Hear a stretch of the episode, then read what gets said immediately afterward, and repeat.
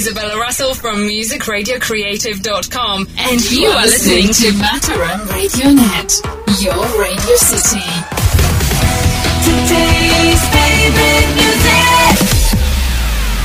And now your host. Here's your host. Sesaat lagi Anda ikuti Ray Presto dalam episode RRI Mataram. Riwayatmu dulu.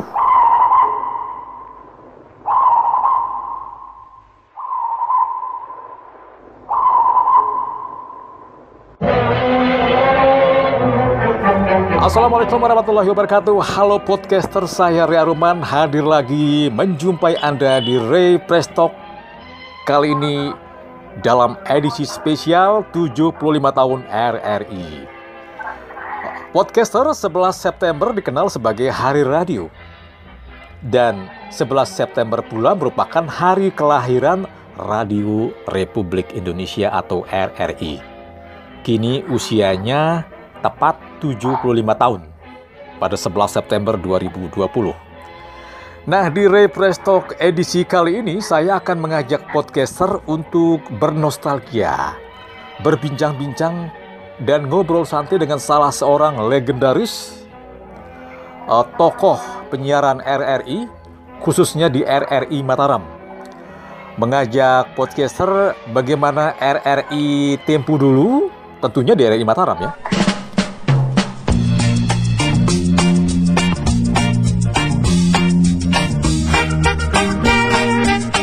dan saya telah terhubung dengan beliau. Siapakah beliau? Inilah Haji Bohri Rahman SA. Assalamualaikum Pak Haji. Waalaikumsalam warahmatullahi wabarakatuh. Apa kabar Pak Haji? Kabar baik, Alhamdulillah, sehat walafiat. Ya, saya menyampaikan terima kasih atas keluangan waktu dan kesediaan Pak Haji ngobrol bareng di Represto, Pak Haji. Oke, terima kasih. Ya, jadi uh, podcaster uh, Haji Bori Rahman adalah salah seorang angkasawan terbaik, sosok legendaris yang pernah dimiliki RRI uh, beliau punya banyak prestasi dan inovasi. Salah satunya yang saya ingat adalah sebagai pencetus program Quick Report, Quick Report di RRI ketika pemilu langsung di era reformasi atau juga mungkin Quick Quick Count yang digelar oleh RRI. Nah, uh, Pak Haji boleh cerita nggak bagaimana perjalanan karir Pak Haji di RRI khususnya di RRI Mataram? Ya jadi saya masuk RRI tahun 1969 ya, dua tahun setelah tamat SMA. Masuknya saya di RRI itu kan sebenarnya kagum dengan suara-suara penyiar legendaris seperti Siti Hawa di RRI Mataram yang tahun 60-an, Iskandar Sukmana, kemudian ada juga Haji Kiago Sadenan, seorang reporter RRI yang hebat. Nah, saya tertarik dengan kondisi itu. Bahkan saya setelah tamat SMA setiap hari mencoba menjadi penyiar di rumah gitu, menggunakan kaleng bekas ya, kaleng bekas kue. Wah, seru Sehingga sehingga terasa enak gitu mengikuti suara penyiar.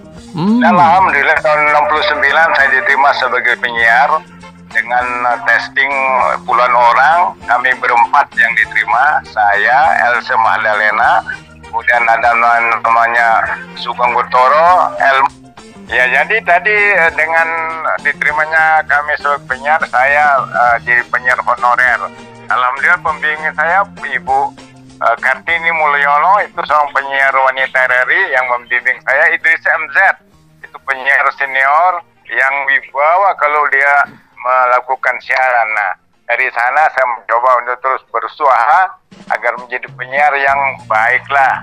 Tapi alhamdulillah sampai sekarang eh, kenangan itu masih ter terasa di, di benak saya dengan semua senior-senior saya itu dan pada tahun 70 saya di samping sebagai penyiar RRI juga merangkap sebagai reporter RRI karena ada pendidikan jurnalistik waktu itu pada tahun 70-an dilakukan oleh Ikatan Pers Mahasiswa Indonesia.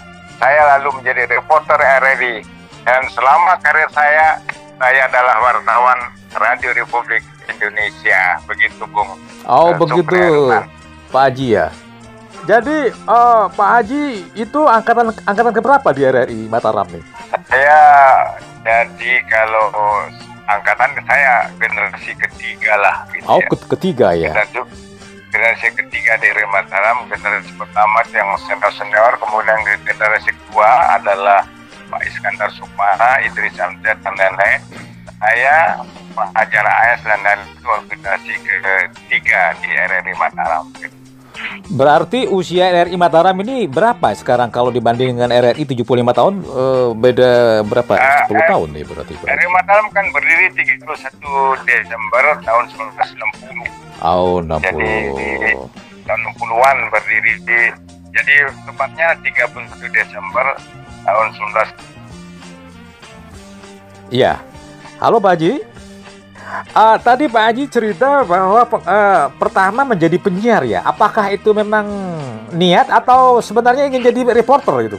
Saya sebenarnya ingin menjadi seorang reporter RRI. Oh, reporter. Uh, tapi masuknya melalui penyiar begitu dan tercapai pada tahun 70 saya menjadi reporter RRI Mataram.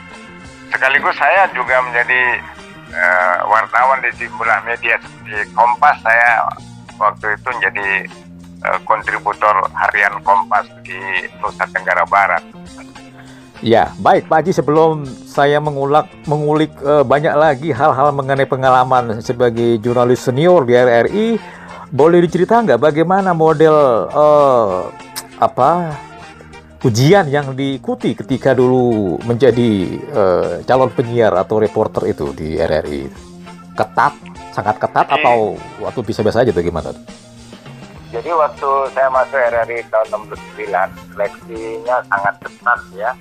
Ada puluhan orang yang terdaftar dan kami berempat yang diterima sebagai penyiar RRI.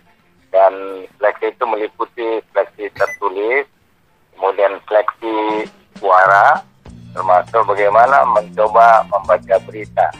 Seleksi tertulis biasa itu tentang intelektual dan sebagainya. Dah pokok adalah seleksi suara.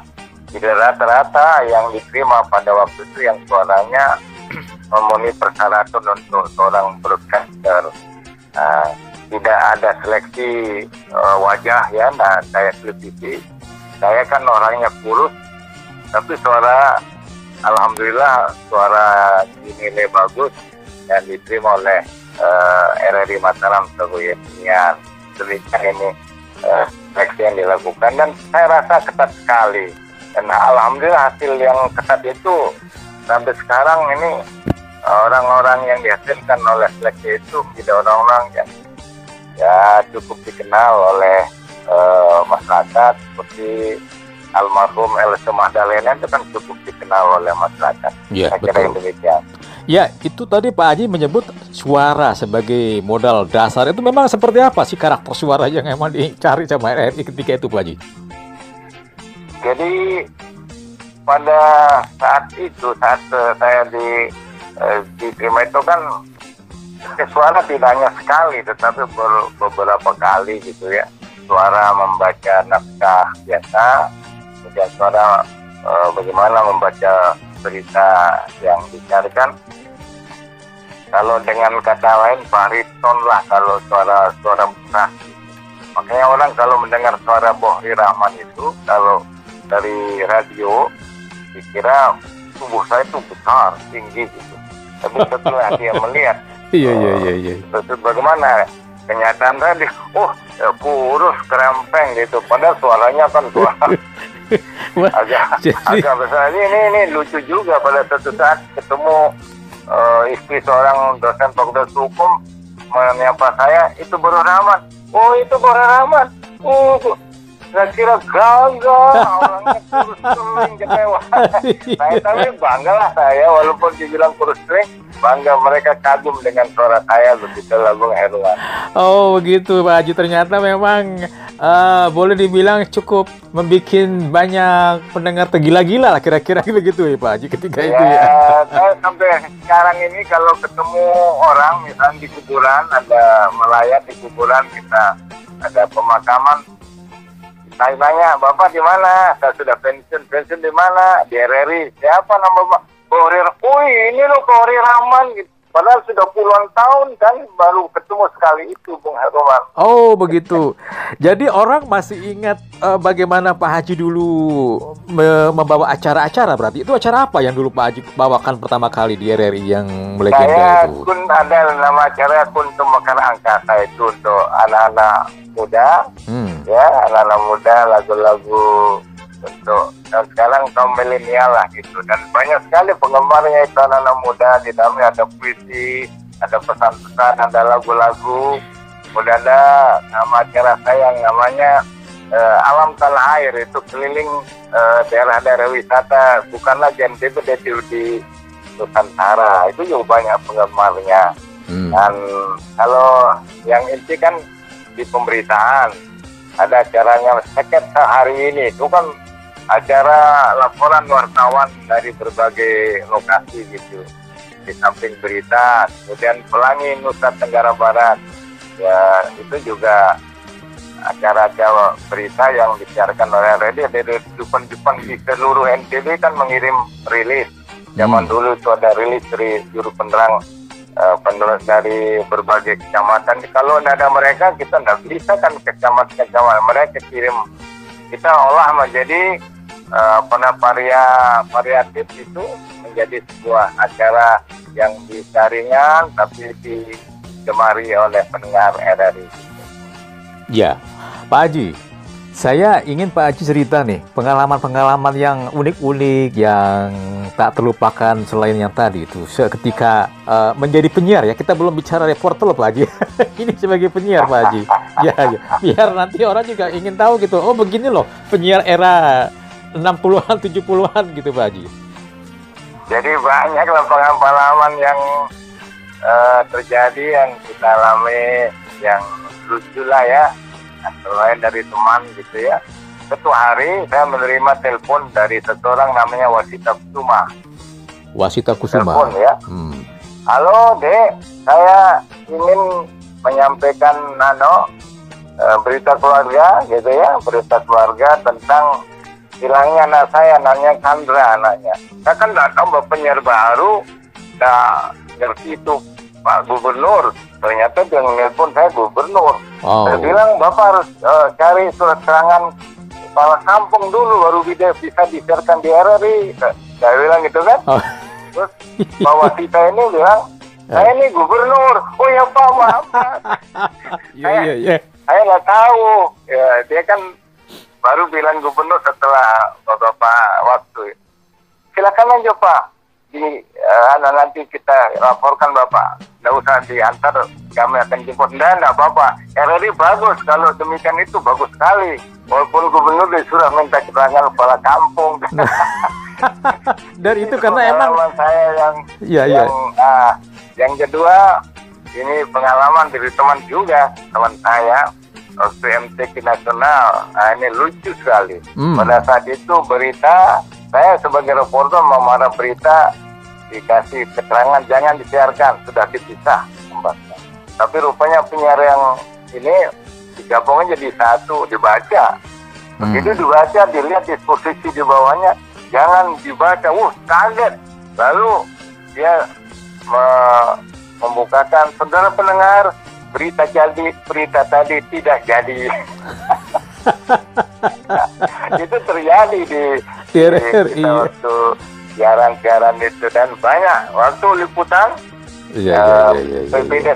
1 tahun 71 waktu pemilu Gubernur Wasita itu sebagai ketua PPD kita rekam Ah, suaranya oke. waktu rapat PPD. Hmm. Rekaman RRI itu, RRI itu jadul Pak Jang sudah jadul sudah tua sekali kita rekam. bunyilah celuit celuit celuit gitu kan? Iya, iya. bunyi karena sudah tua. Pak Gubernurnya terganggu. Dia dia bilang ini celuit celuit saja dimatikan. Kita kan lagi rekam suara beliau tapi dia matikan terganggu dengan uh, kita yang jadul yang tua sekali. Zaman dulu kan tidak canggih ke sekarang dulu luar biasa itu kita kesederhanaan kita itu salah beberapa hal yang dan banyak lagi dong uh, Pak Putri. Ya, itu eh, sebagai penyiar Pak Haji Lakoni berapa lama itu Pak Haji? Sejak awal di RRI? Saya penyiar sejak tahun 69, kemudian sudah eh, sekitar tahun 1974 saya sudah tidak penyiar lagi. Dari full di pemberitaan, tapi masih di siaran pedesaan. Di Oh, siaran. pedesaan. Ah, Nah, di sana nama tulisan kita kan tidak nama asli di siaran pedesaan. Namanya Iya. Papu Eco. oh, Papu Eco. Ya kakek lah. Oke, Eco, iya, gitu. iya, iya. Nah, ketika ya, sampai di desa diperkenalkan dulu oleh Pak Bupati Rusti kan tempat di Lombok Timur. Oke. Kita ini kedatangan teman-teman dari Salam Pedesaan. Ini salah satunya Bapu Eco. Wih, masih muda, saya kira udah tua. Katanya Mas Ano, eh, masyarakat di waktu itu kan Jadi- Bupati yang memperkenalkan bangga sekali kan waktu itu. Oh, iya, iya. Terkenal oleh Bupati kan luar biasa bangganya. Iya, Walaupun iya, iya, kita iya. orang kecil diperkenalkan sebagai tim siaran pedesaan, Bapu Eco. Ah, ada juga Mak Kadir itu, Pak Hajar Mak Kadir. Oh, namanya. Makadir. Iya, iya. Jadi banyak yang tertipu ternyata krempeng katanya lagi. Oh iya, itu yang yang sering itu. Iya, iya, Pak Haji. Saya Iya, iya. gagah orangnya. Si Toto krempeng, kurus lagi gondrong. Tapi bangga loh. Iya, iya, Walaupun iya. dibilang saya kurus, kering, gondrong, krempeng, dia suara bangga dengan suara saya yang sebagai seorang penyiar ya pilihan lah waktu itu nanti hasil eh, testing pada tahun 69 itu gitu. Siap. Ini makin seru jadinya ini. Ya, ah, saya ingin Pak Haji cerita nih mengenai program siaran pedesaan Pak Haji ya. Itu kan salah satu acara yang melegenda juga di- yang dimiliki RRI Pak Haji. Ya itu salam pedesaan Hmm. salah satu acara yang memang sangat eh, ditunggu oleh masyarakat pedesaan. Iya, iya, iya, itu iya. dicetuskan oh, tahun 70-an juga itu dicetuskan. Pencetusnya di sini Pak Yohanes Purwadi ya, Pak eh, dulu kepala siaran kanda, kemudian ada Pak Idris, Pak Hajar AS dan saya ikut serta di dalam siaran pedesaan itu sebagai pendukung. Dan ini betul-betul siaran pedesaan yang kita lakukan tidak di belakang meja, jadi Hmm. tidak sekedar eh, nyiarkan, tapi kita turun ke lapangan. Salah satu yang kita lakukan adalah eh, contohnya kita ke Sembalun pada tahun 70 sekian di Sembalun sekarang ini Hmm. kami dari Mataram ke Sembalun dari uh, Swile itu Iya, iya, iya. em, naik ke gunung Hmm. kita ditunggu oleh eh, masyarakat di perbatasan untuk naik kuda.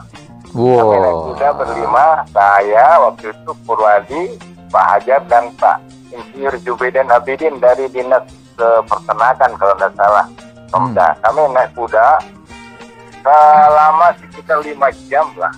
Sampai di Sembalun kita nggak bisa jalan lah karena ini lecet semua, paha lecet. Jadi kami itu Iya, iya, iya. tapi itu me- menyenangkan karena masyarakat bisa menerima kita dengan baik kita dialog di sana. Mereka per- kita perkenalkan nama-nama kita mereka kagum oh ini papu-papu itu yang kita saya kira udah tua-tua.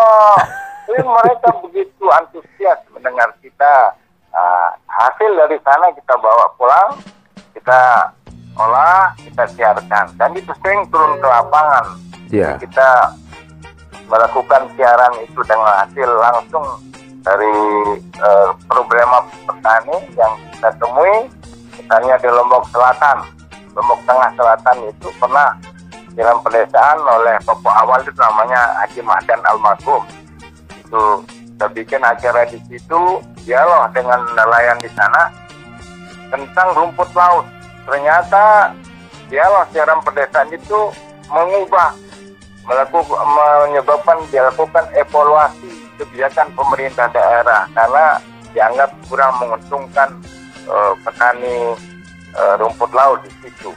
Nah ini salah satu contoh yang yang kami sampaikan tentang serempedean. Yang paling fundamental adalah waktu uh, operasi tekad makmur Bumi Gora hmm. di Tugu. Nah itu menjadi uh, apa namanya kenangan kami dengan teman-teman yang sangat berharga waktu akan diketuskan Gugur Rancah. Saya bertemu Gubernur Pak Gatot Serwan waktu itu, Pak kalau bisa operasi tekad mamur dikomandokan lewat RRI. Oh siap, gimana caranya? Kami akan datang ke rumah Pak Gubernur pagi besok jam 6.30 siaran waktu pagi Bapak Gubernur bikin komando di sana kami siarkan. Beliau siap pagi-pagi jam 5.30 kita sudah ada di rumah gubernur di uh, Jalan Langko dekat RRI kan sebelah RRI. Iya, iya. Kami siapkan peralatan lalu kita tunggu gubernur sudah jam 30 kurang 2 menit. Iya. Gubernur masih di kamar kecil, Pak. Iya, iya. Herumet. Iya. Gubernur masih kita kan deg-degan, gubernur masih di kamar kecil. Saya bilang majudan, Pak ini lagi dua menit. Oh ya sudah. Ternyata Pak Gubernur keluar masih pakai sarung. pakai sarung. Lalu mana? Gimana? Ini kok Pak Ajudan bilang ini yang Bapak sudah disiapkan oleh Humas untuk dibaca. Itu komando apa berita dari studio. Berikut ini bunyi penyiar komando langsung dari Gubernur. Yang disiarkan langsung di kediaman beliau. Ah, lalu beliau menyampaikan uh, komando operasi dekat Makmur melalui Radio Republik Indonesia itu. Itu luar biasa. Dan itu di setiap tempat kalau beliau pidato selalu saya sudah komandokan ini melalui RRI kemarin atau apa gitu. Jadi kebanggaan kami di situ. Dan kami terus ikut selama operasi dekat Makmur teman-teman RRI termasuk jalan pedesaan pemberitaan ikut ke lapangan. Bahkan pernah minat juga di lapangan dengan operasi dekat mamur itu. Itulah hmm. RRI masa lampau gitu. Ya saya justru masih uh, belum bisa membayangkan bagaimana Pak Haji menempuh perjalanan menaik kuda ke Sembalun itu yang saya pikirkan tuh kayak zaman-zaman era-era zaman kerajaan kayak di sandiwara radio itu Pak Haji. ya, ya, ya. ya, tapi sekali lagi saya ingin bertanya Pak Haji mengenai siaran pedesaan. Apa sebenarnya keunggulan program ini sehingga terasa membumi di masyarakat NTB?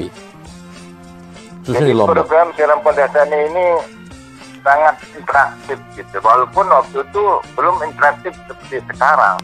Iya. Interaktif maksud saya aspirasi yang ada di masyarakat itu mereka sampaikan melalui surat.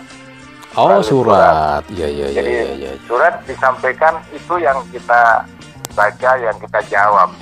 Jadi kita tidak hanya serem pedesaan baca naskah gitu ya, baca brosur, tidak tidak tidak seperti itu. Jadi serem pedesaan berdasarkan kepentingan rakyat, kepentingan petani. Bahkan kalau ada kelompok tani yang membuat uh, kelompok siaran pedesaan kita resmikan lewat udara. Itu yang menarik. Oh. kami akan resmikan kelompok tani di mana? Gitu ya. Resmikan. Ketua lah ketua kelompok tok tok tok. Jadi mereka bangga sekali dengan cara itu. Itu apalagi surat mereka dibaca dan surat itu numpuk banyak sekali. Kita oh. sudah pilah-pilah surat itu. Pilah beberapa yang kita baca. Kalau yang hanya uh, lalu lalu ringan masalahnya kita berpindah tapi yang berat. Itu kita konsultasikan dengan dinas yang uh, terkait dan mitra kita untuk bisa dijawab. Dan semua jawaban-jawaban itu uh, didiskusikan oleh masyarakat uh, petani melalui kelompok pendengar ini. Mereka kan pendengar radio berkelompok pak. Yeah, kita yeah. sering lihat mereka kelompok Lalu hasil itu didiskusikan oleh mereka. Oh, kalau nah, pencapir itu Pak Haji ya? Kalau pencapir itu berarti ya? Nah, sebelum kelompok pencapir, jadi kelompok kelompen. Nah, setelah Pak Harmoko jadi Menteri Penerangan, maka ditingkatkan kelompok menjadi kelompok chapter, kelompok pendengar, pemeriksa dan pembaca.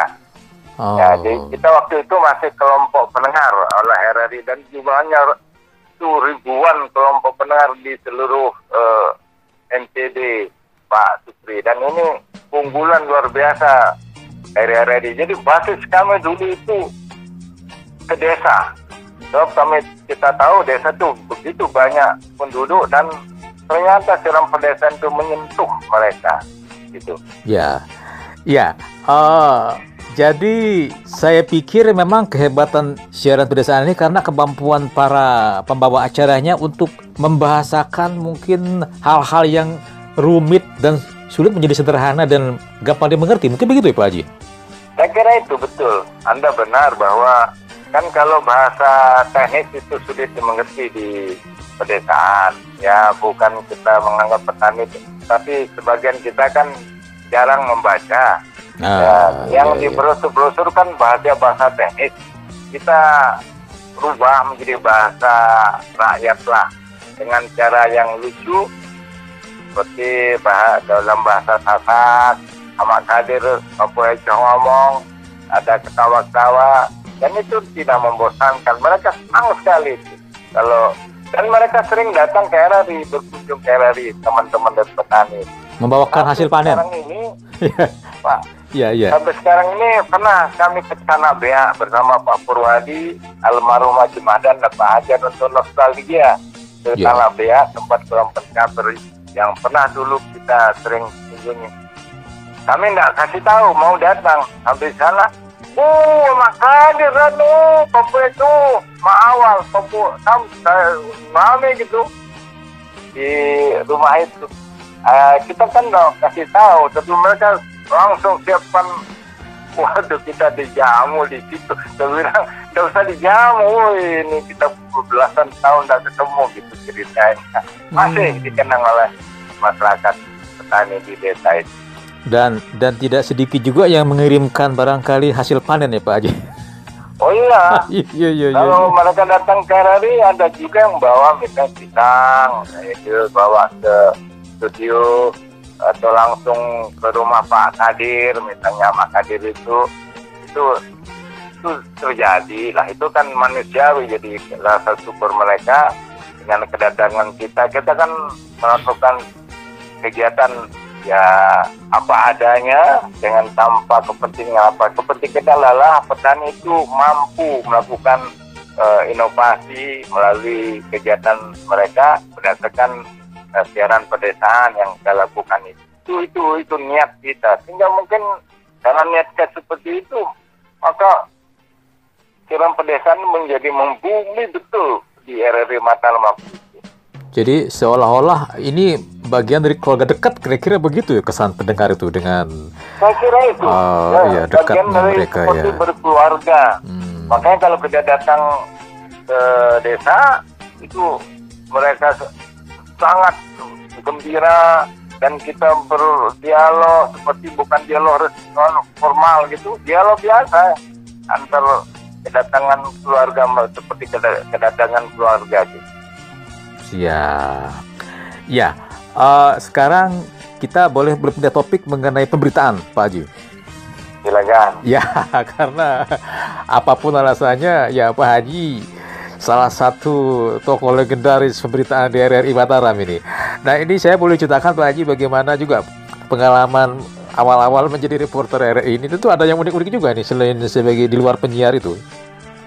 Oh jadi reporter tadi banyak lah. Ya ya itu monggo Pak Haji silakan. Satu saat jadi reporter RRI saya kan eh, tahun 77 1977 itu kuliah di Fakultas Hukum ya ambil kuliah lah. Nah, waktu Ya. meliput acara Menteri Sosial di Kanwil Depsos dekat uh, Undram saya nggak bisa nggak meliput tapi saya harus ujian ujian bahasa Belanda waktu itu. Wow. Pak. FP Antonis kan dosennya. Saya tidak mungkin melepas salah satu, harus dua-dua. Ah, bagaimana caranya? Oh, harus rekam menteri. Saya rekam menteri. Pakai tape recorder kecil rekam di podium. Saya hitung itu harus 45 menit kan kaset ukuran 45 menit. Saya harus kembali sebelum 45 menit ke uh, tempat acara. Saya pergi ujian. Saya hanya ujian 35 menit Pak Heruman, Ya, bahasa ya. Belanda. Oh. Orang masih bekerja saya udah jalan. Teman-teman bilang sombong kali dia baru 35 menit ke. Padahal mereka nggak tahu kalau rekaman saya sedang on di Iya. podiumnya menteri. Sedang jalan Kalau ya. dia sudah habis kasetnya, itu ada sirine bunyi Oh. di tip itu. Kalau itu terjadi kan, wah ini mengganggu menteri. Akhirnya saya keluar dari ruang fakultas hukum, berangkat sampai di tempat acara, belum dia eh, bunyi sirine. Alhamdulillah, kita berhasil lah menteri itu. Itu salah satu Hmm. eh, pengalaman saya meliput eh, di RRI Mataram. Dan banyak yang kita lakukan liputan. Yang paling berkesan kalau meliput Gubernur Gatot Herman. Hmm. Ada acara, Hmm. Gubernur ini kalau melihat saya eh, identik dengan RRI lah. RRI ini apa mau saya? Beliau yang minta anu pertanyaan Oh, apa? gitu, ya, ya, ya. Mau ditanya gitu. Boleh saya tanya. Dan kalau beliau sudah bicara wawancara dia nggak bisa pendek Ah. bisa sampai setengah jam gitu. Sedangkan itu saat itu adalah saat eh, istirahat untuk makan siang lah atau makan malam pada acara eh, itu dia akan santap malam. Jadi Iya. para tamu-tamu kepala-kepala dinas, DPR apa segala itu menunggu kan. Terus ada yang ngomong, iya hamun hati aja anu ya apa tuh. Jadi dia nunggu sampai Gubernur ini nggak mau berhenti kalau anu apalagi apalagi. Jadi itu itu yang mulai terjadi dan Iya. bagi saya pengalaman saya yang paling menarik itu Bung Supri. Jadi Iya. begitu Gubernur lihat RRD kalau waktu humas kelabangan kelabakan karena RRD Pak Heruman pada saat rapat eh pada saat panen kedelai di Swile di Swile Lombok Timur Gubernur panen. Nah waktu lewat eh, ruangan humas Gubernur tanya RRD ada? Humas kelabangan karena belum dikasih tahu RRD akhirnya dijemput oleh humas ke RRD ngebut. Balik ngebut lagi ke Swile ini RRD jadi pekerjaan. Gubernur ditanya kenapa nggak kasih tahu sebelumnya? Saya bilang akhirnya kita kejar sampai di sana gubernur belum belum selesai acara alhamdulillah Iya. itu itu itu kebanggaan bagi RRI bukan saya tapi RRI eh, bahwa sangat diperhatikan oleh pemerintah provinsi waktu itu Pak Gubernur Gatot Herman Ya. almarhum Artinya ini membuktikan bahwa RRI tidak saja dicintai oleh rakyat tapi juga oleh aparat dan pejabat gitu ya. Saya Petinggi kira gitu ya Pak itu- Pak, Pak, itu Pak Haji. kemudian tergantung kita bagaimana eh, menerapkan mengaplikasikan RRI ini eh, untuk rakyat dan menyambung menjadi jembatan untuk dari pemerintah daerah kepada rakyat gitu.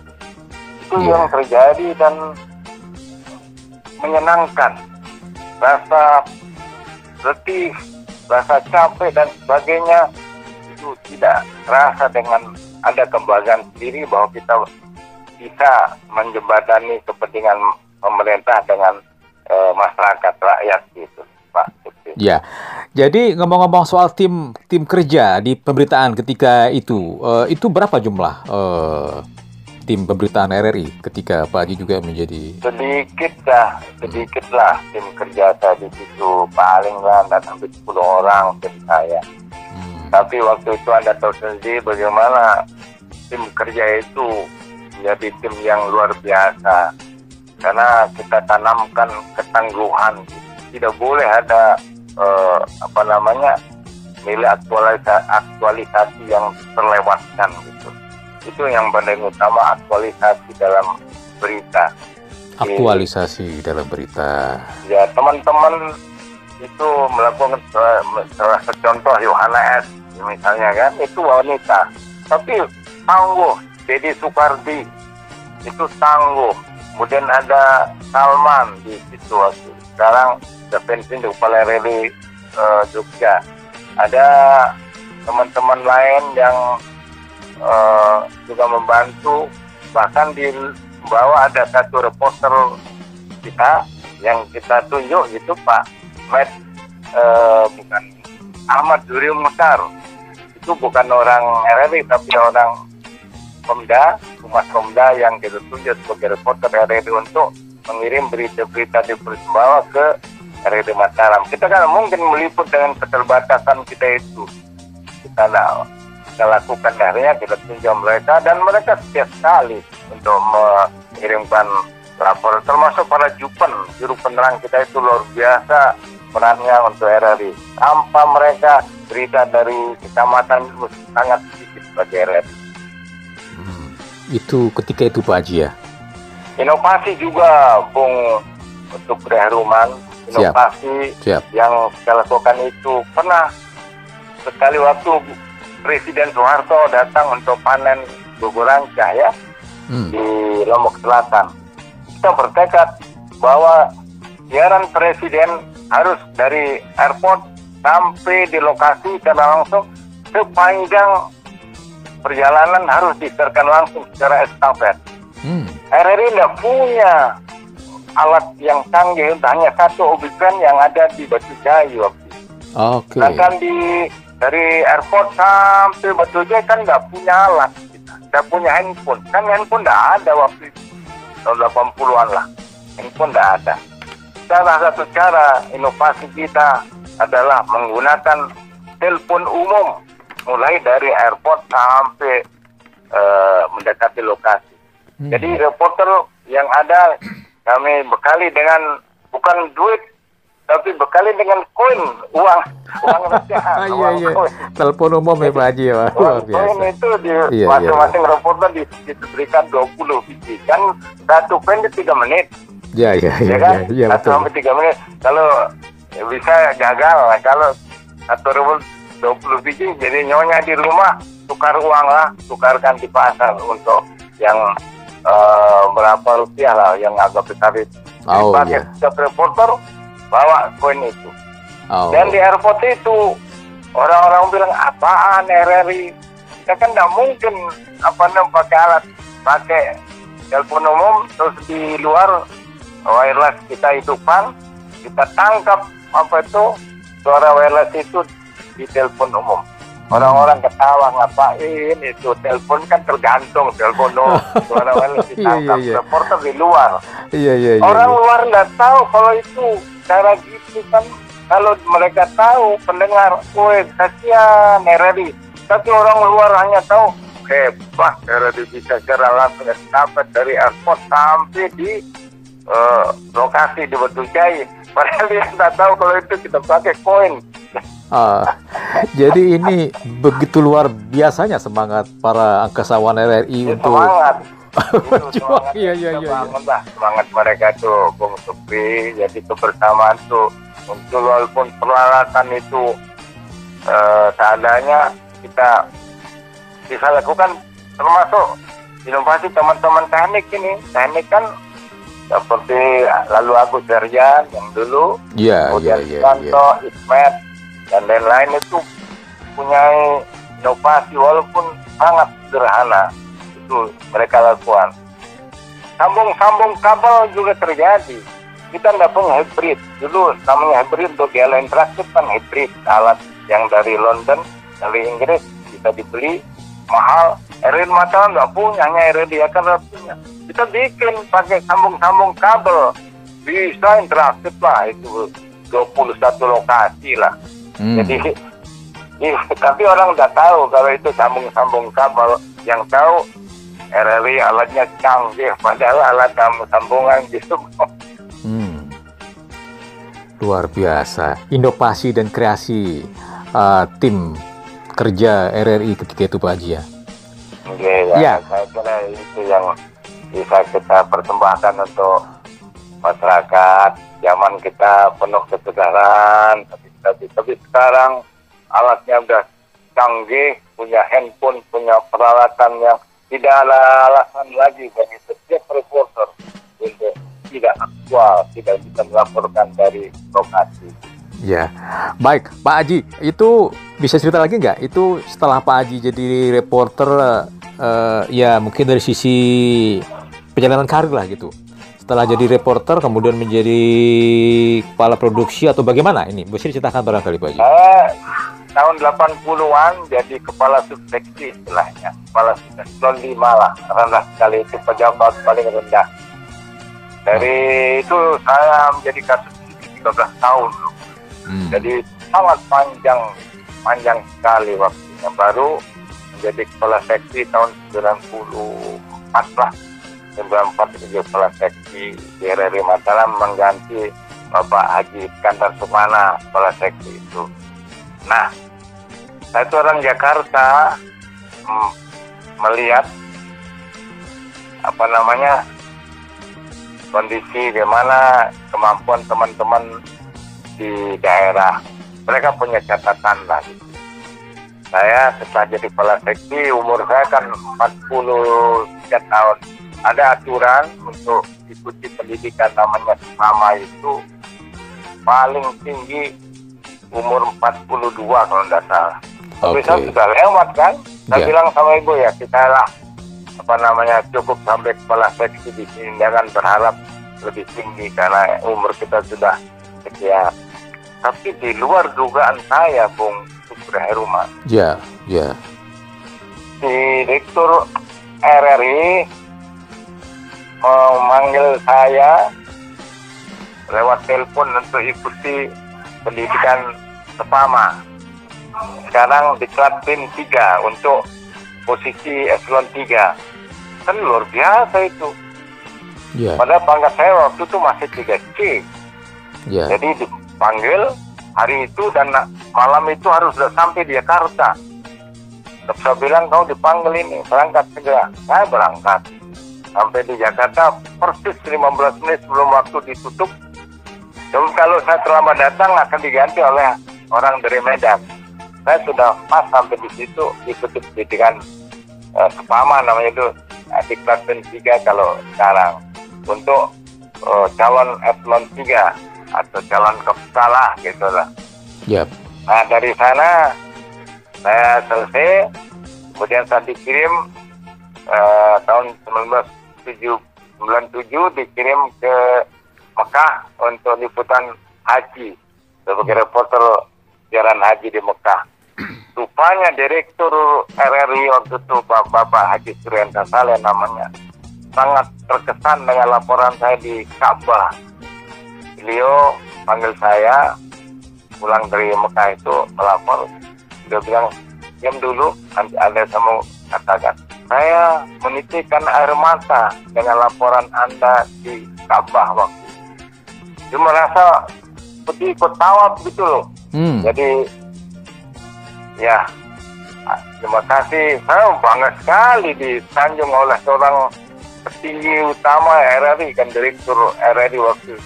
Ya, terima ya. kasih Pak atas apresiasinya. Oleh karena itu katanya, yuk nanti sampai rumah tunggu baru satu bulan lah. Saya akan promosikan Anda. Ke mana Pak? Saya bilang, oh, jangan tahu lah. Ya udah akhirnya pulang. Sampai rumah sekitar pulang, muncul SK. Saya dipindahkan ke kepala bidang pemberitaan jauh sekali Pak di Papua di Irian oh. di Jayapura. Oh Papua ya ya. Pemberitaan Jayapura. Oh itu. Iya, iya. Wih, jauh tapi saya nggak apa-apa nggak masalah. Iya iya. Saya iya. sakit karena terkejut.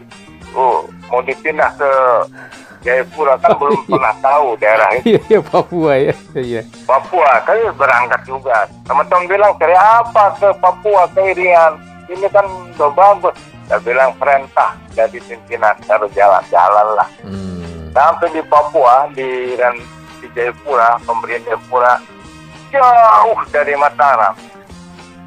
Mengapa sebenarnya Mataram sudah tinggi sekali pitnya. Hmm. Di sana masih satu hari itu satu buletin berita Pak Heruman hmm. satu buletin berita tujuh item itu satu hari dengan uh, staff 30 orang saya bilang kaget saya astaga jadi itu buletin berita yang satu dibaca berulang-ulang pagi siang malam dan eh sore dan malam. Nah, pagi lagi yang ada lain. Saya bilang ini apaan? Tapi saya tidak paham biar aja lah. Nah, setelah dua bulan di situ, saya mulai harus harus dirubah. Hmm. Kita robah. Dia bilang tidak bisa pak dirubah. Terus kita sulit jadi berita. Lalu sumber susah. Ya udah tidak apa-apa. Saya akhirnya mengambil inisiatif. Saya bilang satu hari kunci semua ruangan pemberi kepala pemberitaan minta tip recorder, tip deck gitu ya untuk merekam. Saya bilang tidak ada yang boleh masuk ruangan saya kecuali Kepsta selama sekian jam. Apa yang saya lakukan? Saya telepon kepala-kepala dinas, beberapa kepala dinas di eh, Jayapura itu di tingkat satu ya, Ya, ya, ya. ambil merekam, terus saya olah sendiri jadi berita. Dapat saya tujuh berita dalam tempo dua setengah jam. Wow. Sendiri sama dengan 30 orang kan. Saya panggil kepala iya, iya, iya. redaksi beritanya. Bisa ditambah lah satu paket lah. Tidak bisa Pak, maaf. Ini saya bantu. Ini ada satu paket. Itu menjadi pembicaraan yang di luar kan. Hmm. Di luar ruangan, di anu, ruangan mereka. Lalu mereka, wah bos tuh hebat. Dia bikin tujuh berita sendiri sama dengan kita kalau yang yang lain itu. Iya, iya. Dan ada satu kepala seksi di situ teman saya Hmm. dari Solo namanya Aryan Jaksit. Oh itu kan jagonya, jagonya di pemberitaan itu dia uh, di kelas reportase tiga di Jakarta juara satu itu katanya. Oh akhirnya itu menjadi motivasi mereka.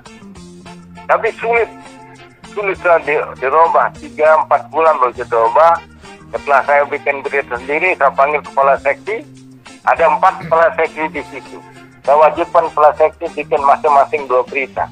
Harus bikin dua berita. Saya tujuh berita, kalian dua. Sudah, satu paket itu kan tiga paket. Iya. Di sana ada 12 kasupsi, Pak. Kasupsinya 12 di pemberitaan. Panggil lagi, minggu berikutnya satu kasupsi satu. Jadi dengan demikian, eh, saya tidak bikin berita lagi, tapi ini sudah paket satu menjadi tiga, satu sampai empat paket. Tidak ada yang diulang lagi, Alhamdulillah. Dan itu berjalan. Saya tidak bikin berita lagi, tapi staff yang bikin berita. Saya bikinkan papan prestasi di, di ruang pemberitaan, mulai dari A sampai Z, orang itu setiap orang yang bikin berita ditulis. Kalau nggak bikin nol kan, gitu. itu tiap bulan dievaluasi. Ada yang nol kan, ada juga itu oleh temannya yang di ini nol pak, kosong gaji. Iya, iya, iya, iya. ada yang tinggi, ada yang nol, ada yang hanya. Tapi lama-lama mereka terbiasa tidak lagi seperti kadang kadang petendeng itu kalau datang ke kantor pak. Oh. Kadang petendeng kalau pinggang jam 9 datang, jam 12 pulang. Kita setengah mati kerja kan nggak mau ikut seperti itu gitulah terjadi di pemberitaan Jayapura itu. Hmm. Itu di Jayapura ya Pak Haji ya? Ya ya ya. Oke. Terus eh, berapa lama di di Papua Pak Haji? Saya dua tahun di Jayapura. Eh, apa namanya? Ada kanil penangan di sana meminta pada direktur radio waktu datang jangan dipindah ini orang jangan dipindah dari Jayapura karena sa- saya perlukan Kakanwil Departemen Penerangan Irian Barat waktu Irian Jaya direktur radio begitu kan ketawa aja kan satu poin prestasi bagi saya kan bahwa ba- apa saya diperlukan di situ berarti poin-poin plus bagi saya. Hmm. Setelah itu beberapa bulan setelah itu saya dipromosikan jadi kepala RRI Sumeneb di Madura. Hmm. Wah. Papua langsung ke ke ke Madura ya? Dari Papua jadi kepala RRI Sumeneb ya di Madura. Dari yang keras ke keras lagi kan Madura keras. Iya. Tahun berapa itu Pak Haji? tahun 199. Jadi dua Oh. tahun setelah tiga. Eh, saya berpikir ini dari Jayapura keras ke Madura keras. setelah saya sampai sana ternyata tidak keras orang Madura itu. Menghadapi Di orang keras. kan keraton, jadi orang santai sekali di itu. Kalau salaman sama kepala RRD cium tangan pak, jadi uh santun sekali. Kalau nunjuk dia pakai ibu jari. Jadi nunjuk apa-apa pakai ibu jari, tidak pakai tunjuk. Oh. Saya, wah ini santun sekali. Situ juga inovasi berlaku juga harus dengan inovasi di sana juga di Sumeneb. Hmm. Seperti apa Nah. itu? Hmm, hmm, hmm. Ya, ya. Dari di Sumeneb, nah itu kita bikin acara-acara yang membumi di masyarakat. Di sana masih haus hiburan. Saya bikin banyak acara hiburan termasuk namanya eh, band remaja untuk anak-anak remaja yang dilakukan oleh para siswa atau pelajar-pelajar SMA ada karena puluhan band kita bikin satu namanya eh, live cafe musik gitu ya live cafe musik itu oleh anak-anak muda terutama anak-anak sekolah kita gilirkan live di sekolahnya dengan mengundang sekolah lain satu kali siaran hari Minggu atau malam Minggu itu empat sampai lima sekolah kita tampil. Itu tujuannya bagi saya adalah untuk menyatukan sekolah-sekolah supaya tidak tawuran. Jika, jika mereka tampil bersama ada rasa bersama. Mereka bangga sekali disiarkan RRI Pak. Walaupun itu Jawa Timur, ternyata bangga juga disiarkan Radio Republik Indonesia gitu. Hmm. Mantap. Inovasi yang luar biasa itu berarti di area Sumeneb ya Pak Haji. ya. Halo Pak Haji. Halo, Ya. dari dari Sumeneb saya ke Bengkulu dipindah. Oh, Bengkulu ya. RRI Bengkulu. Tahun Nah, berapa? di situ saya menjadi satu tantangan yang sangat luar biasa di Bengkulu itu Pak. Hmm. Kenapa? Kalau begitu saya sampai di situ, saya lihat gedung RRI yang tadinya men- akan ba- dibangun mentereng, ternyata masih beton-beton. Yuk, kok begini? Ternyata ada korupsi di situ. Wow, wow. Ada wow. korupsi sat- eh, dana gedung itu 1,7 miliar. Tahun itu. Belum selesai gedung itu uangnya udah habis. Wow. Saya akan bingung. Halo? Ya, ya, ya. Oke, ya. Ah. Ya, halo. Halo? Ya, ya. Oke. Silakan Pak Haji ya. Saya, saya bagaimana ini RRI Bengkulu itu menjadi sorotan luar biasa. Di media cetak hanya berita RRI korupsi. Terus di setiap hari ada berita itu. Wartawan datang nanya tentang korupsi. Polisi datang tanya tentang uh, minta keterangan tentang korupsi. Kejaksaan datang jadi saya datang sini melayani masalah-masalah yang berkaitan dengan korupsi. RRI terpuruk ke titik hampir ke titik nol. Tidak ada yang orang mau dengar RR karena kasus korupsi. Bagaimana saya bilang ini luar biasa ini ya. Masa saya harus diam? Oke, saya cari jalan. Gimana caranya mengembalikan RRI supaya menjadi didengar orang. Inovasi berjalan lagi, kreativitas lah. Mataram kan dari Mataram kita bawa. Saya dekatin anak, anak muda dulu Pak Sutri Ya, ya. rock band itu puluhan di situ. Kelompok rock band itu puluhan. Bilang, berapa jumlah? Ada puluhan pak band rock di sini. Oke. Bagaimana kayak kita bikin rock band di RRI? Wah, apa bahaya karena tiga single bikin dulu. Anda apa? Kita bikin. Akhirnya bikin. Diumumkan bahwa kita akan bikin siaran rock band setiap malam minggu. Mendaftar banyak sih daftar belasan band daftar. Kita mulai dengan lima band waktu itu. ditampilkan eh, launchingnya dengan lima band. Dari sana anak-anak muda sudah mulai melirik RRI. Kita ke RRI nonton rock band, tapi kita punya gedung itu jadi apa nah auditorium itu Iya, panggungnya iya. di, karena bertiga tinggal enam enam pak tidak terkendali lah. Tapi Ah. bagi kami tidak apa-apa. Yang penting mereka mau datang ke RRI.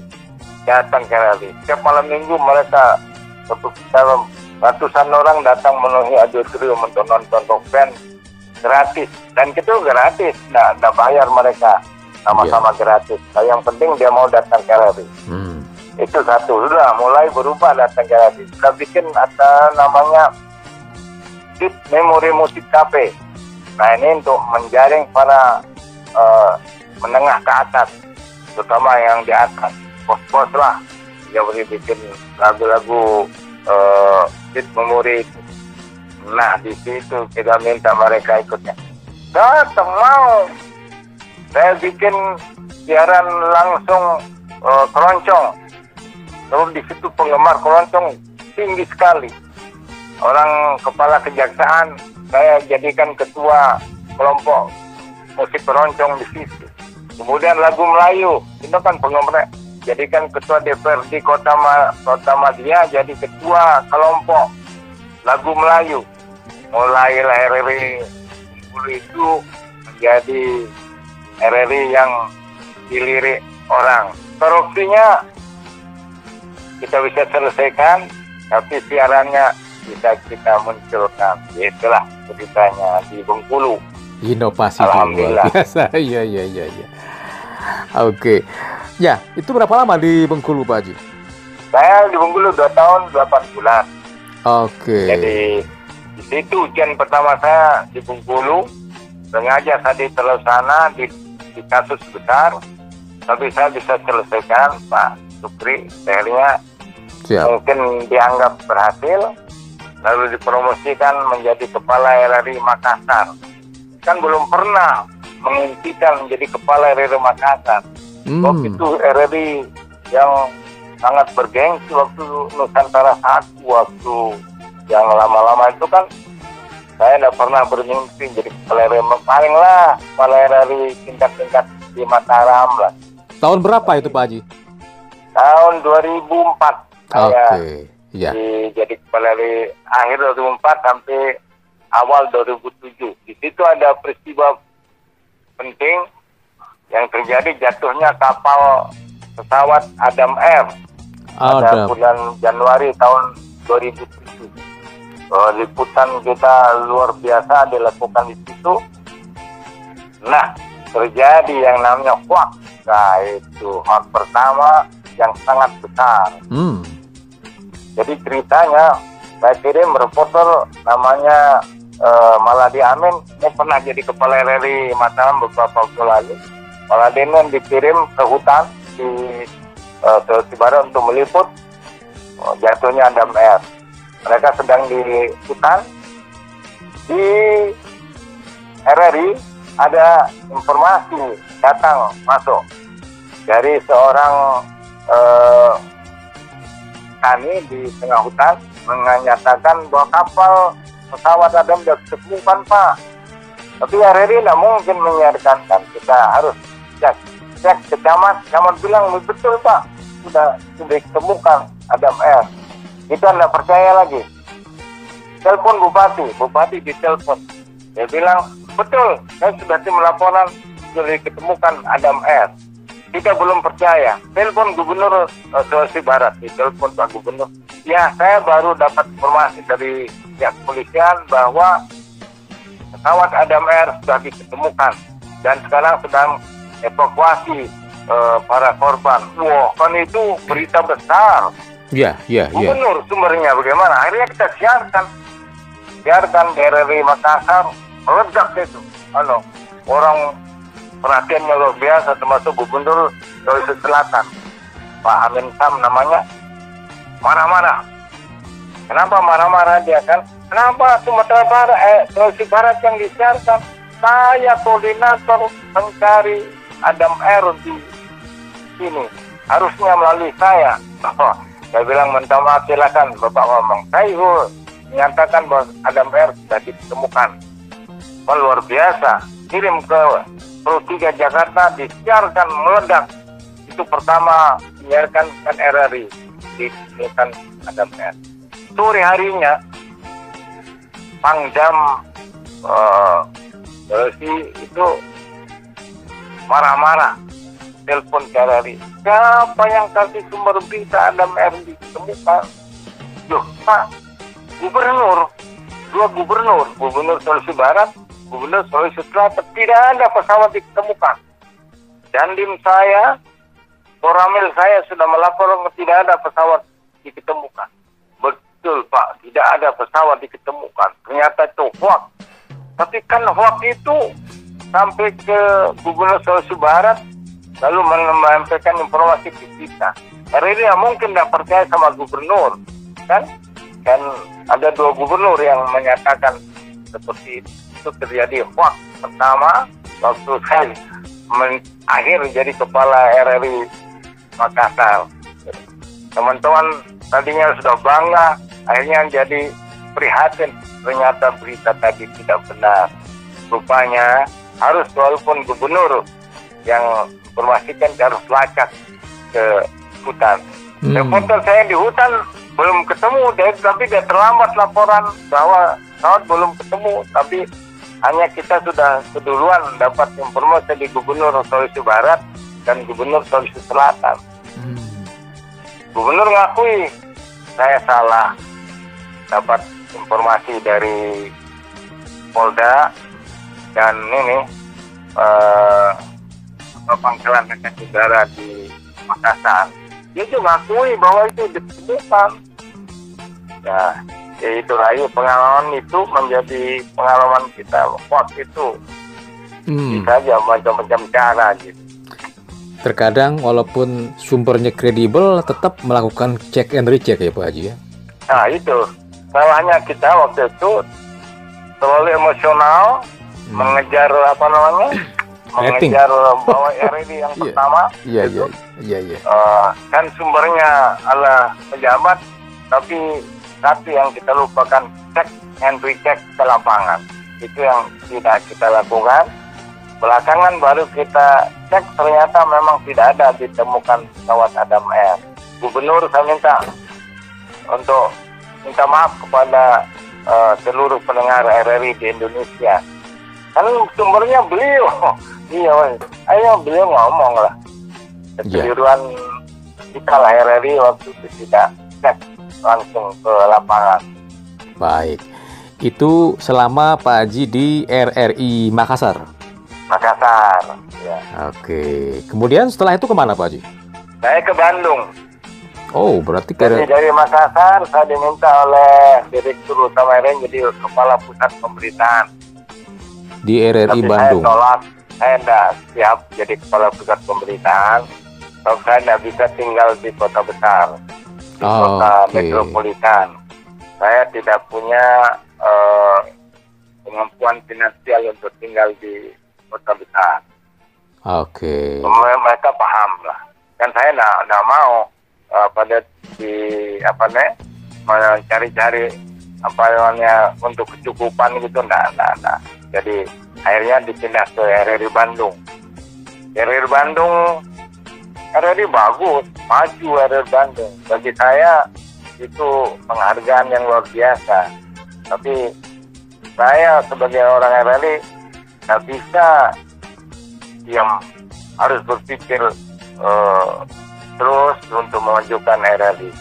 Saya bikin tagline di sini di Bandung eh, pakai RRI Bandung eh, apa namanya penyelama apa istilahnya benteng budaya Sunda. Jadi RRI Bandung benteng budaya Sunda dan itu menjadi tagline yang sangat disanjung oleh masyarakat eh, Sunda di Makassar Jawa Barat.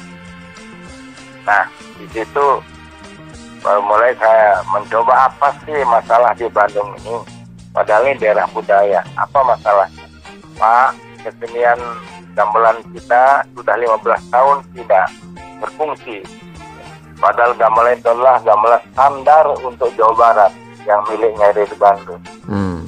Kenapa? Karena tidak punya anggaran untuk memperbaiki.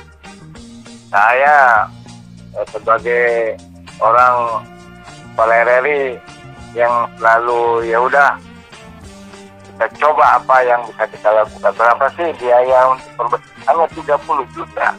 Programkan, kita bikin bagaimana caranya kita programkan perbaikan gamelan dengan 30 juta. Habisnya kira-kira 32 juta.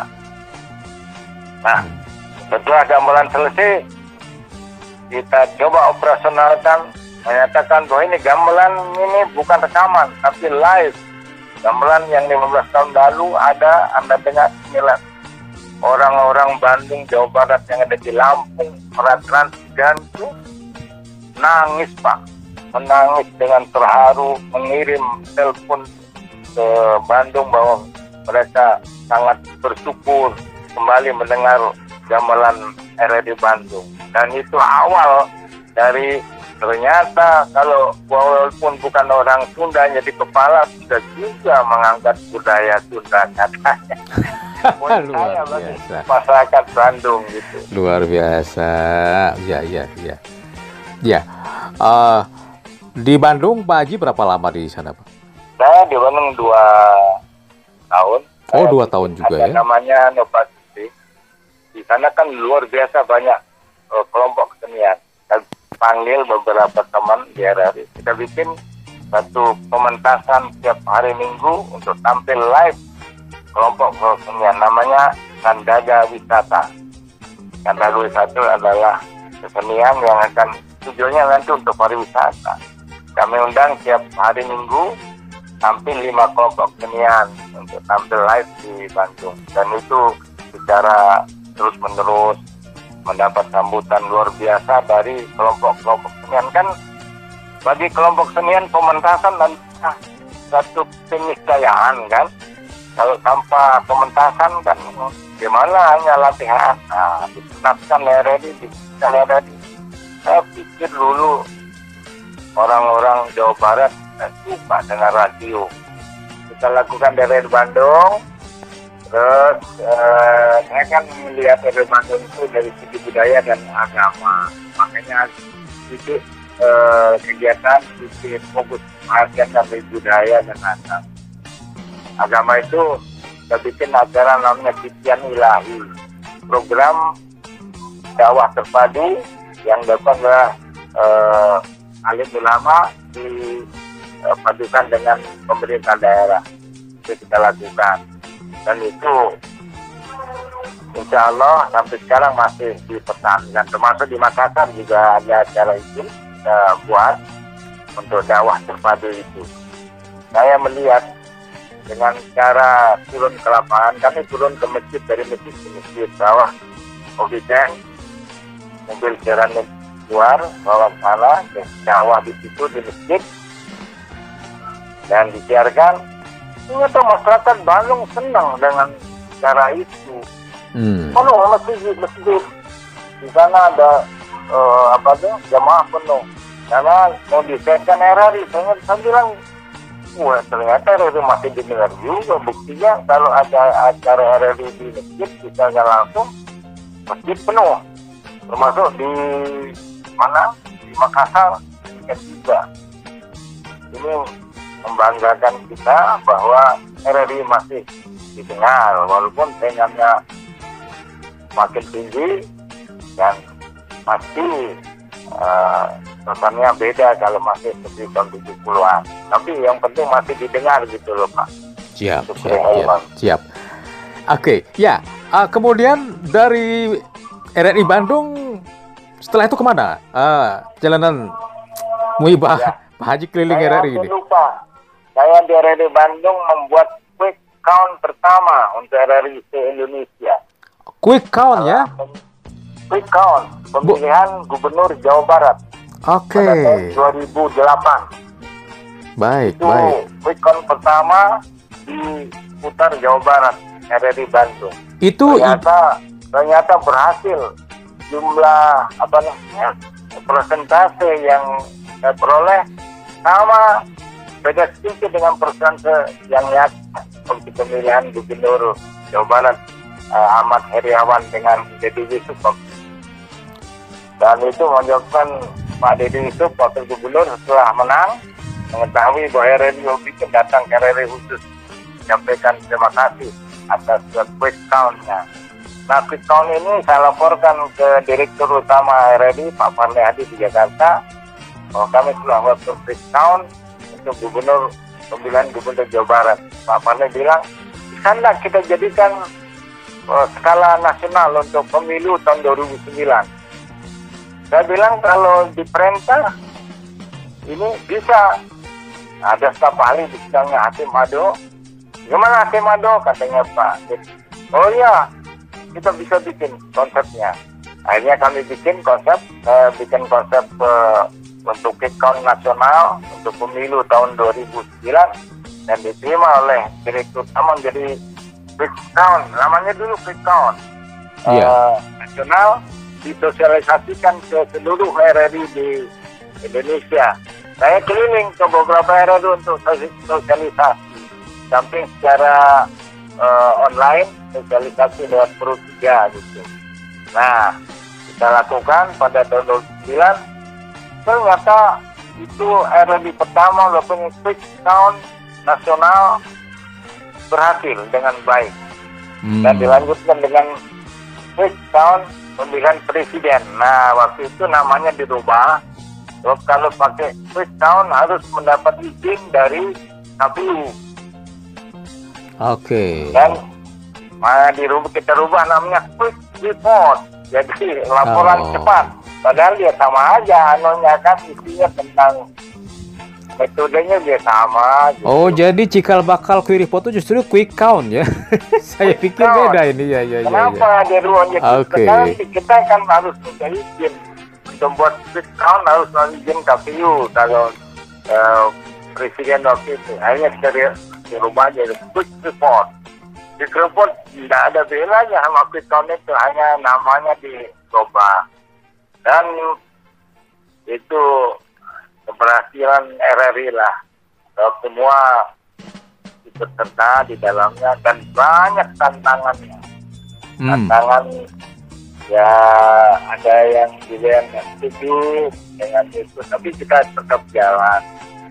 Jalan itulah yang pertama kali RRI membuat membuat quick count, quick report untuk nasional kemudian lanjutkan belakangan bekerja sama dengan lembaga survei. Waktu itu tidak kita tidak bekerja sama dengan lembaga survei. Kita coba. Direktur Rom bilang kita coba sendiri. Biar memecahkan rekod bahwa dari sendiri membuat satu program itu dan berhasil. Alhamdulillah. Ya, dan hasilnya sama dengan perhitungan real count-nya KPU ya Pak Haji ya? sama sama ya beda beda 0,3 lah bedanya tidak signifikan begitu ya ya dan ya. biaya sangat murah oke okay. sangat murah jadi waktu itu biaya yang keluar RRI untuk uh, apa server aja hanya 73 juta untuk membuat server dan biaya yang lain itu tanggungan biaya stasiun untuk memberikan uh, insentif bagi para kontributor di lapangan termasuk para reporter Okay. Dan yang di Jakarta uh, untuk server kita untuk tim di Jakarta tidak banyak biaya itu biaya quick count termurah barangkali di di mana-mana. Oh, luar biasa. Tidak pakai miliaran rupiah.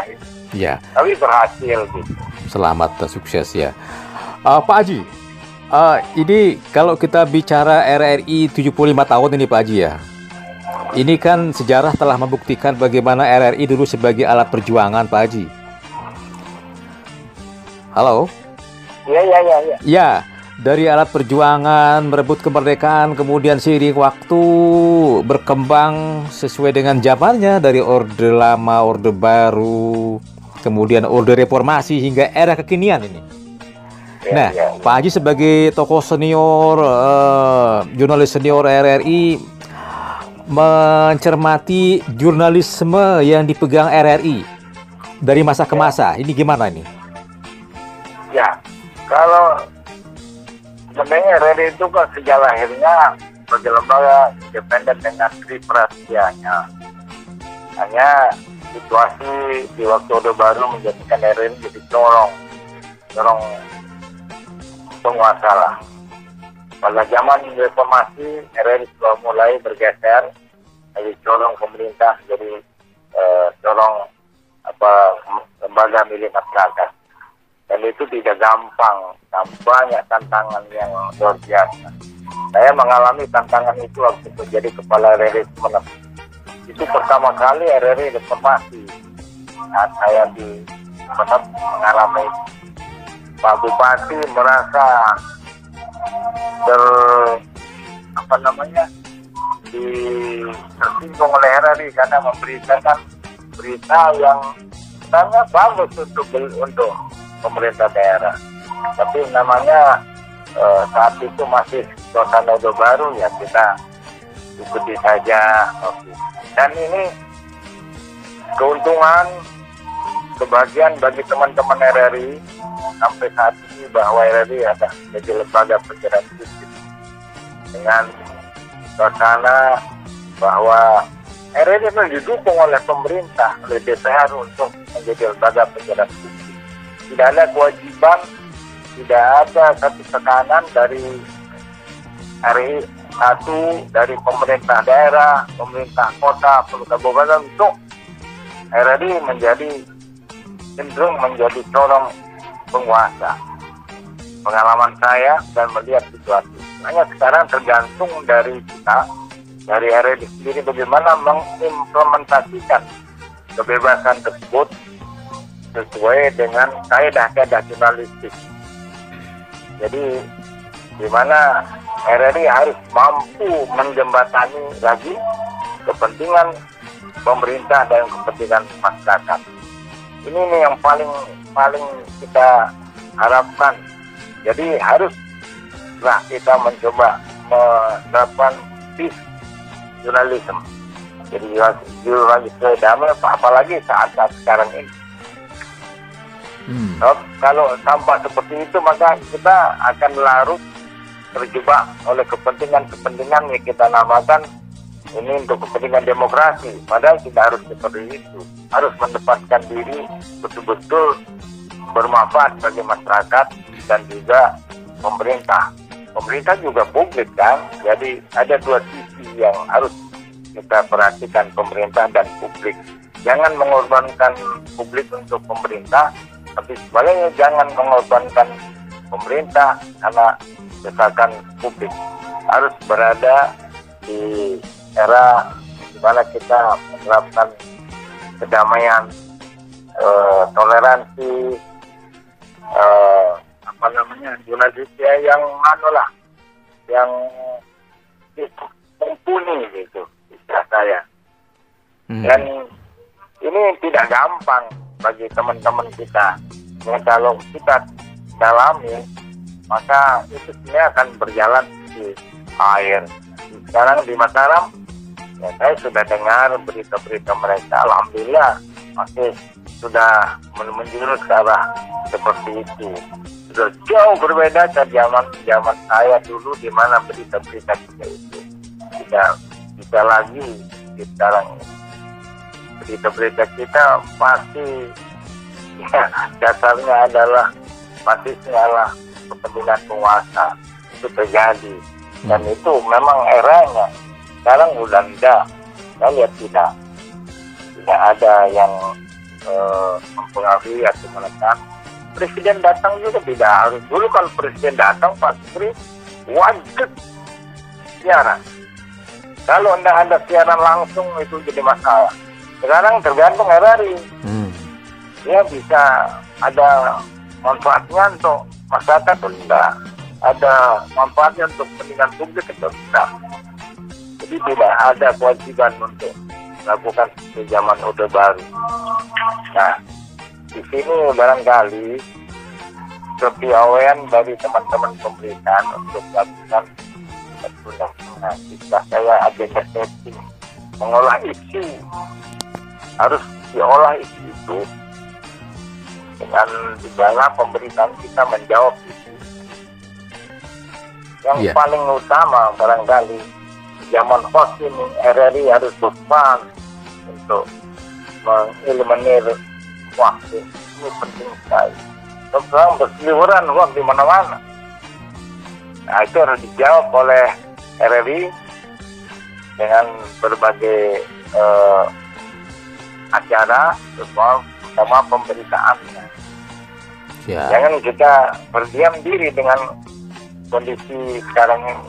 Kan caranya gampang lah. Tuh. Mengkantor waktu, tidak mengkantor langsung. Ya, bikin berita yang tidak berkaitan dengan hoax itu jadilah.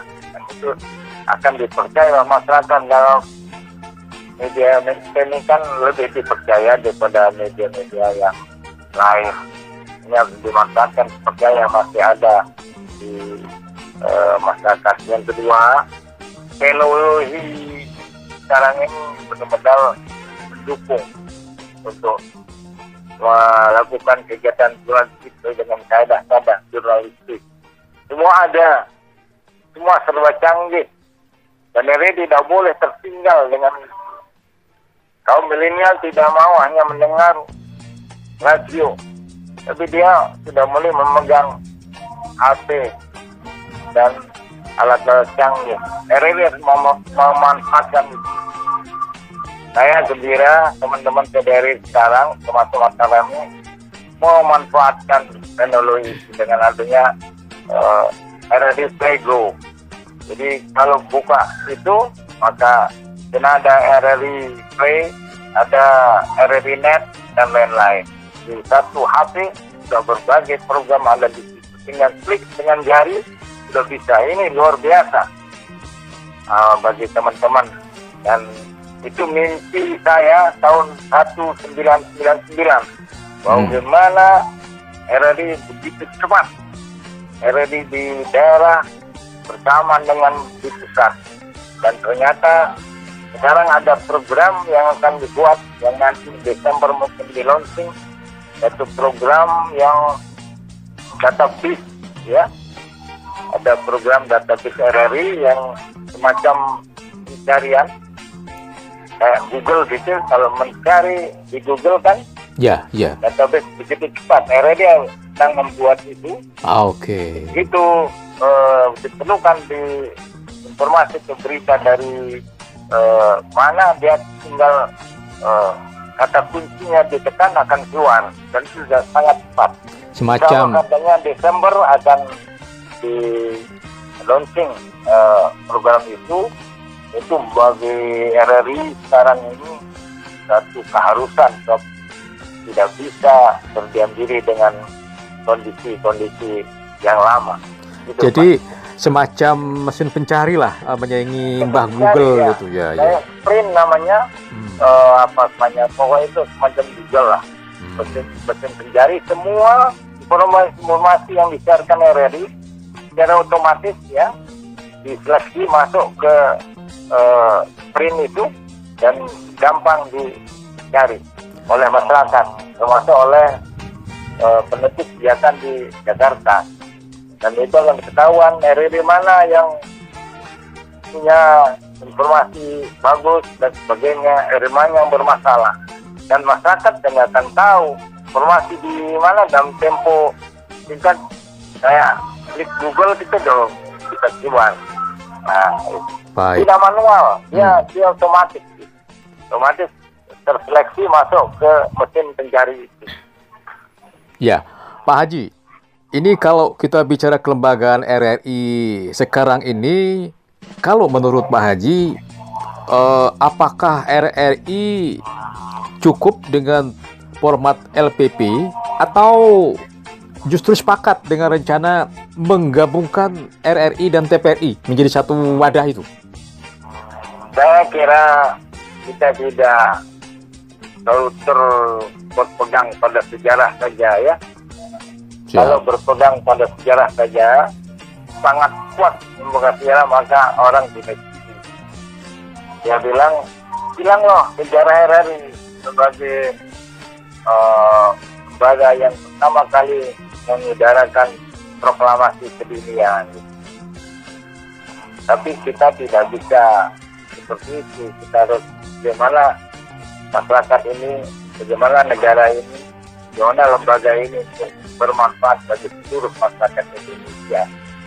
Maka menurut saya penggabungan RRI dan CPC sudah waktunya oh. sebagai satu keharusan dengan penggabungan ini sinergisitas lembaga penyerahan publik akan menjadi lebih kuat Bahkan saya pernah mengusulkan bahwa sinergisitas itu tidak hanya RRI, IPRI, tapi juga RRI, IPRI, dan lembaga kantor berita antara jadi satu satu payung Hmm. sebagai lembaga katakanlah kalau apa namanya nanti kalau radio dan TV lembaga penyiaran publik ini menjadi satu payung dan nanti ketiganya berjalan seiring untuk kepentingan masyarakat, untuk kepentingan negara, dan bukan untuk kepentingan penguasa. Namanya lembaga penyiaran ini akan lebih hebat. Kan itu menurut saya gampang, gampang, akan menjadi satu pembauran yang menguntungkan tenaga kerja para ahli yang ada di dua lembaga ini akan menjadi satu akan memperkuat eh, lembaga yang Radio Televisi Republik Indonesia RTRI itu sudah di ya tahun 2012 itu Pak Subri Ya, ya.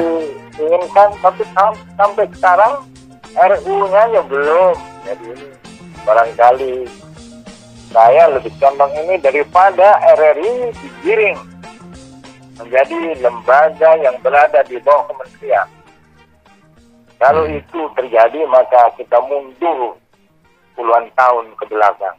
Oleh Oke. karena itu DPR RI bersama Komisi 3 terus lebih tegas tetap mempertahankan untuk eh, membahas RUU Radio Televisi Republik Indonesia. Sepakat. Ya. Khawatir kita, saya khawatir ada penggiringan kepentingan untuk memasukkan RRI menjadi tidak independen lagi. Buktinya misalnya ada keinginan membuat RRI BLU, Badan Layanan Umum. Itu Hmm. kan semacam UPT kalau itu. Kalau itu terjadi, sudah kita tidak bisa apa-apa lagi. Ya namanya BLU kan di bawah kementerian. Kami sebagai orang yang pernah dari tidak. Ya, ar- Sekarang ini sudah bagus. Ya, Tinggal ya. dimajukan, disesuaikan.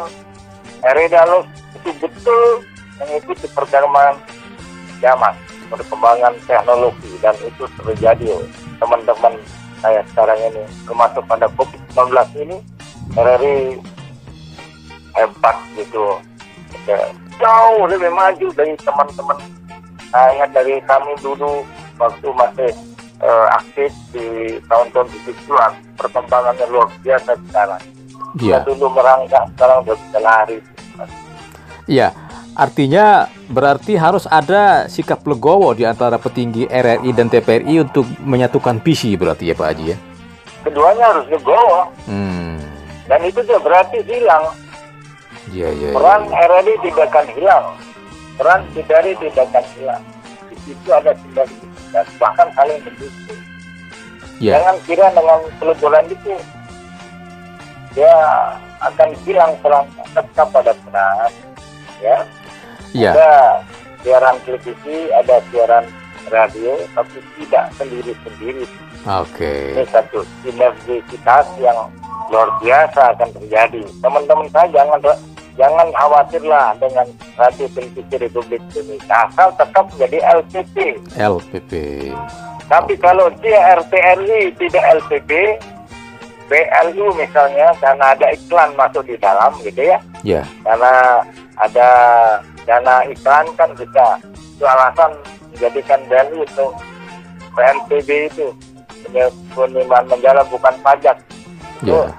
bagi saya kalau itu memang jadi alasan silakan aja iklan RRI dan TVC dibiayai oleh APBN tidak usah pakai iklan jadi tetap LPP walaupun radio televisi Republik Indonesia ah Baik. gitu. Ya, artinya dengan penggabungan ini, kalau menurut Pak Haji, RRI TPRI akan bisa mengimbangi kehebatan lembaga publik di negara-negara maju ya, seperti Amerika dengan VOW-nya, Jepang dengan NHK-nya, atau Inggris dengan BBC-nya, begitu kira-kira ya Pak Haji ya? kan di negara-negara berkembang maksudnya negara-negara maju maksudnya di NHK itu kan BBC kan sama aja tidak Ya. memisahkan dia Ya, tetap ya. radio BBC televisi itu satu Satu kesatuan kesatuan hanya sebagai kita ya. dulu karena sejarah yalah lama sekali dan teman-teman kita sebagian yang rupanya sangat eh, apa namanya atau memegang sejarah itu sehingga merasa khawatir ya dari kehilangan yang enggak lah akan kehilangan sejarah sejarah program masa depan kan muncul Iya, tetap sejarah tidak akan pernah hilang ya. Siap, tidak siap, akan siap. dilupakan gitu.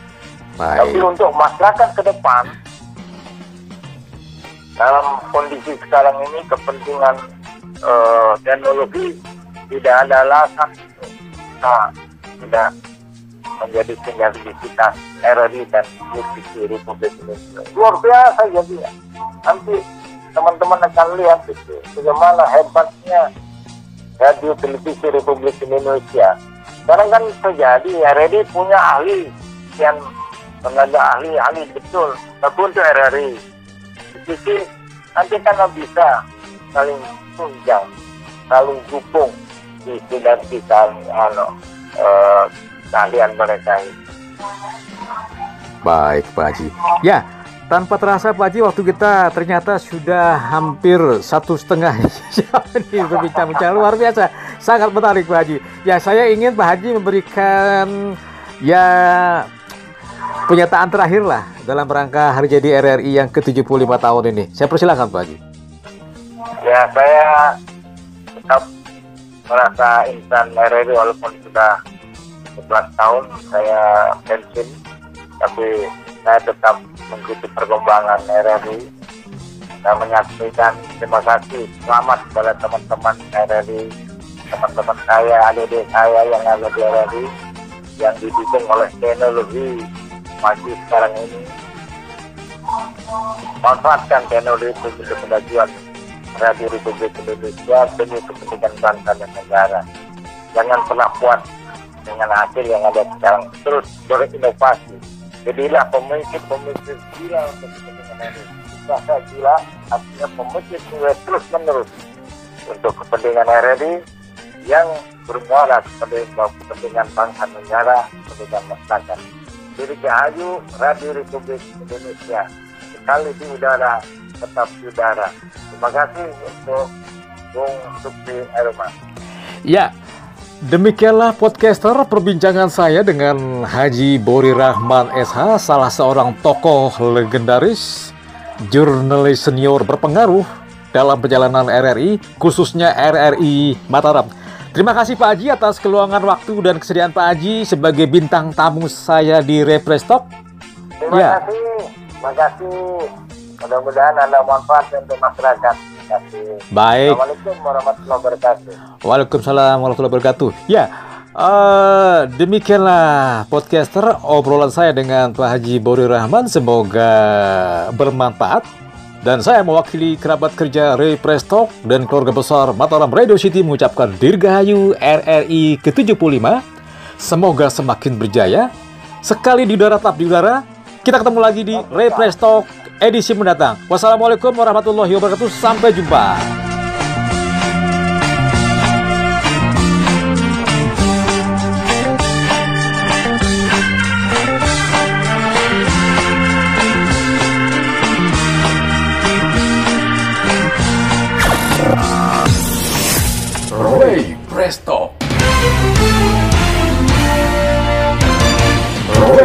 Presto. Let's care and share. Bersama saya, Ria Ruman.